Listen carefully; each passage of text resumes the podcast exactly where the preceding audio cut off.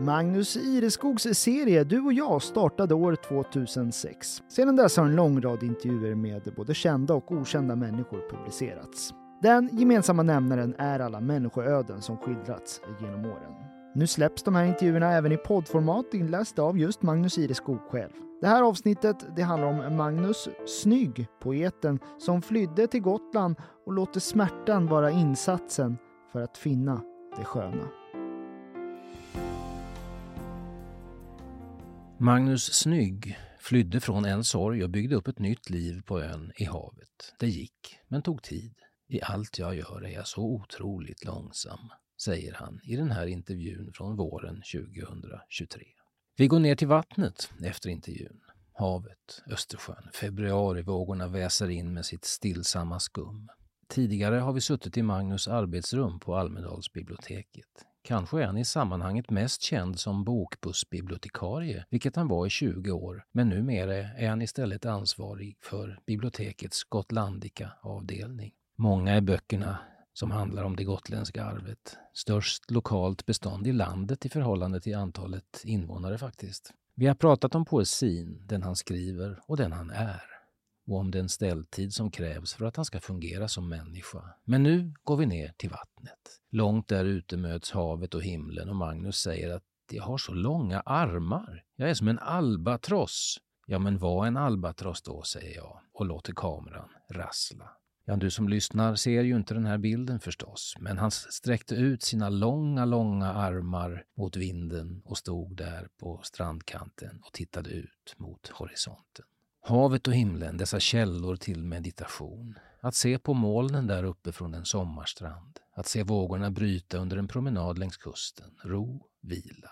Under tre års tid har Magnus från sin lägenhet på tredje våningen med utsikt över horisonten fotograferat himlen, samma vinkel varje gång och publicerat bilderna på sin Facebook-sajt.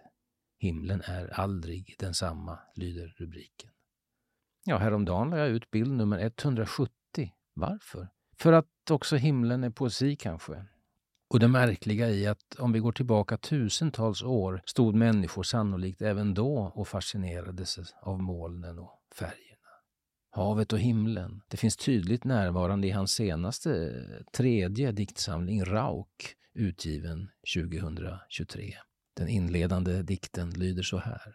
Havet, havet och vinden. Havet och vinden och solen och tiden som strävar och ön som blundar och drömmer om ett evigt bortom medan den sjunker.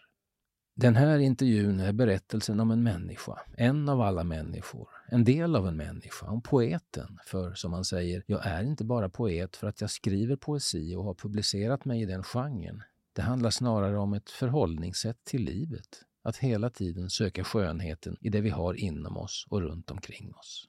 Det är så han formulerar betydelsen av att vara poet, sökandet efter skönhet. Men då krävs också att vara beredd att betala priset med smärta, ty allt som är skönt kan när som helst slås i spillror. Så är tingens ordning.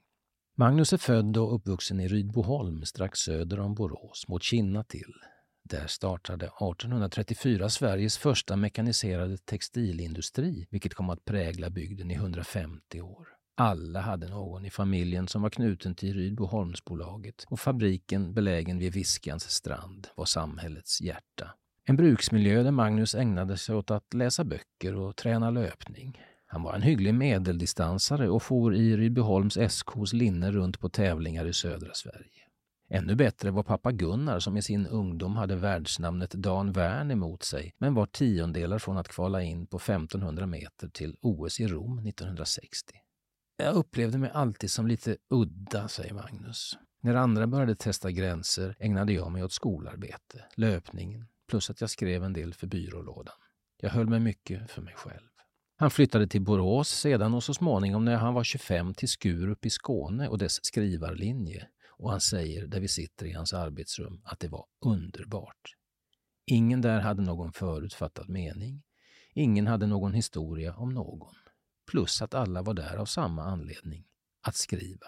Han lättade det året, flög på sina albatrossvingar för att sen återvända till hemtrakterna och vingbruten sjunka tillbaka till samma plats där han en gång varit. Inom sig var han en annan. Omgivningen såg samma person som en gång givit sig av. Så han bytte åter miljö, gav sig av till Stockholm i tidigt 90-tal. Tillgång till kulturlivet. Trängre på gatorna och mer folk, men betydligt mer plats för den han ville vara och var, är. Ytterligare en skrivarkurs. Biskops Arne, ja vi skissar lite här. Frilansskrivande och recenserande för Borås Tidning innan han 1999, i samband med att han pluggat klart till bibliotekarie, flyttade till Gotland. Ja, flydde faktiskt. Han säger det så. Drabbad av sorg tvingades han fly för att hantera smärtan. Jag var i ett förhållande och blev lämnad. Det var under bibliotekariestudierna. Jag visste inte vart jag skulle ta vägen. Jag ville inte bo i Uppsala, inte i Stockholm, där fanns ju hon, inte Borås. Samtidigt såg jag annonsen om bokbussen på Gotland, fick tjänsten och flydde hit. Med vattnet som buffert kunde han bearbeta den tärande och slukande sorgen, slicka såren och även utöva en viss självrannsakan för att sedan långsamt börja bygga någonting nytt. Och här är han nu, 24 år senare.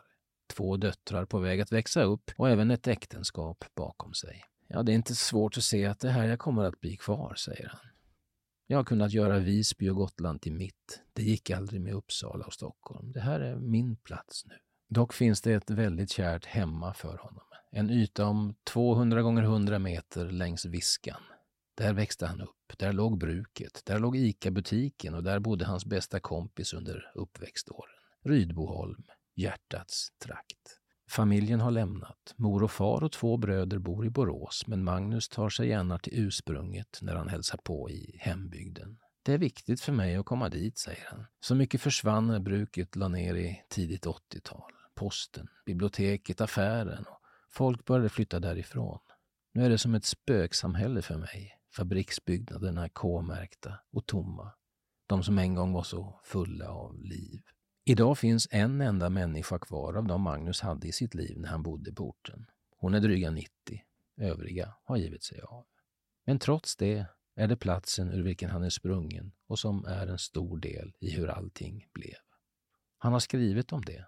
Hans andra diktbok Vilan, ljuset och tillhörigheten tar avstamp där och i den erfarenheten, om den svårfångade upplevelsen av något som gått förlorat. Någon som också betytt mycket är morfar. Morfar hette Olle och hade elva syskon. Vid sidan av jobbet var de fyra bröder som ofta satte sig tillsammans och diskuterade litteratur. Via honom fick Magnus det som än idag är hans allra största läsupplevelse. Han fick mig att läsa Greven av Monte Cristo när jag var tolv. Det var någonting enormt. En hel värld öppnade sig.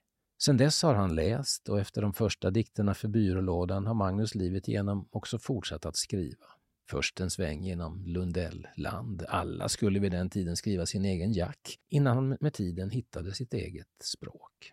När han skriver går det inte särskilt fort. Det går för övrigt inte särskilt fort när han gör någonting alls faktiskt. I själva verket är han tämligen långsam. Eller som han själv uttrycker det. Jag har ganska lång ställtid för att komma i fas med mig själv. Vadå? Förklara, hur menar du då? Ja, när det gäller skrivandet, det kan ta tid. Nej, det tar tid. Jag kan gå och tänka på ett ord, en mening, en strof, bearbeta det inom mig, skriva ett ord, sen kanske ett till.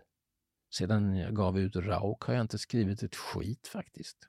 Det har som en förklaring att han arbetar heltid och aldrig livnärt sig på skrivandet. Och så är jag ju lite lat också, skjuter gärna saker framför mig, som han tillägger. Men även i livet i stort är sävligheten något han måste förhålla sig till. Jag behöver återhämtning. Efter en dag på jobbet till exempel behöver jag vila för att processa all information jag tagit in under dagen. De veckor han har döttrarna går deras behov i första hand, men under ensamveckorna låter han egen och ensamtiden få utlopp. Tystnad och tid för tankar. Inte för många intryck som stör. Jag följer fotboll på text-tv till exempel. Liverpool United 1-0. En halvtimme senare är det 2-0, men inget har hänt på skärmen. Det är lagom tempo för mig, skrattar han. Men i dagens samhälle då allt går så fort, känner du dig som en turist i tillvaron eller, eller vad? Jo, det kan man säga, men inte vilsen. Snarare förvånad över att det inte finns fler som är lika långsamma som jag. Han är lite skygg, säger han. Trivs i sitt eget sällskap och har inga större behov av socialt umgänge. En ensling. Långsamheten underlättar eh, däremot hans skrivande. Texterna får lov att växa fram med tiden. Orden på var sida i hans böcker är få. Så här skrev GTs litteraturrecensent Håkan Andersson om Rauk, formulerat som ett brev till författaren. Med få ord ökar varje ords specifika vikt. Det du skrivit är så långt från pratighet man kan komma. Ett språkligt reningsbad. Till skillnad från det jag håller på med, eller hur? Jo, säger han, Magnus, men det är helt olika uttryck. Jag tycker om att bygga långsamt. Vilan, ljuset och tillhörigheten skrevs till exempel under en tioårsperiod. Rauk höll jag på med i tre år och är väldigt tacksam att förlaget Eddie ville ge ut den. Så här är han nu, en västgöte i Visby. Accenten kvar, men med Gotland som plats rotad i hjärtat. Döttrarna är på väg att växa upp. Genom fönstret mot väster kommer hela himlen till honom. Något enstaka ord fäster emellanåt på papper och överallt ser han skönheten. Så är det att vara poet. Skönheten och smärtan. Jag går mot 60. Det mesta i livet är efteråt, så är det. Men jag stortrivs med min tjänst. Jag menar, Gotlandica bibliotekarie. Det var ju ouppnåeligt. Och, säger han, man ska aldrig säga aldrig. Ja, Magnus, varför ska man inte det? För att jag har lärt mig det. Vad som helst kan hända. Bara man inte stressar iväg och det är ju ingen risk. Till sist ytterligare en strof ur Rauk. Texter om och sprungna ur långsamheten. Vi böjer oss inte. Vi vänder oss in. Fårade av nordanvind, ljus och den enträgna värdighet som format oss genom sekel. Oändligt långsamt söker vi oss ut ur stenens arv, himlastormande, stumma. Ja, gillar du också Magnus Ireskogs intervjuserie Du och jag så finner du fler avsnitt på helagotland.se under poddar och program.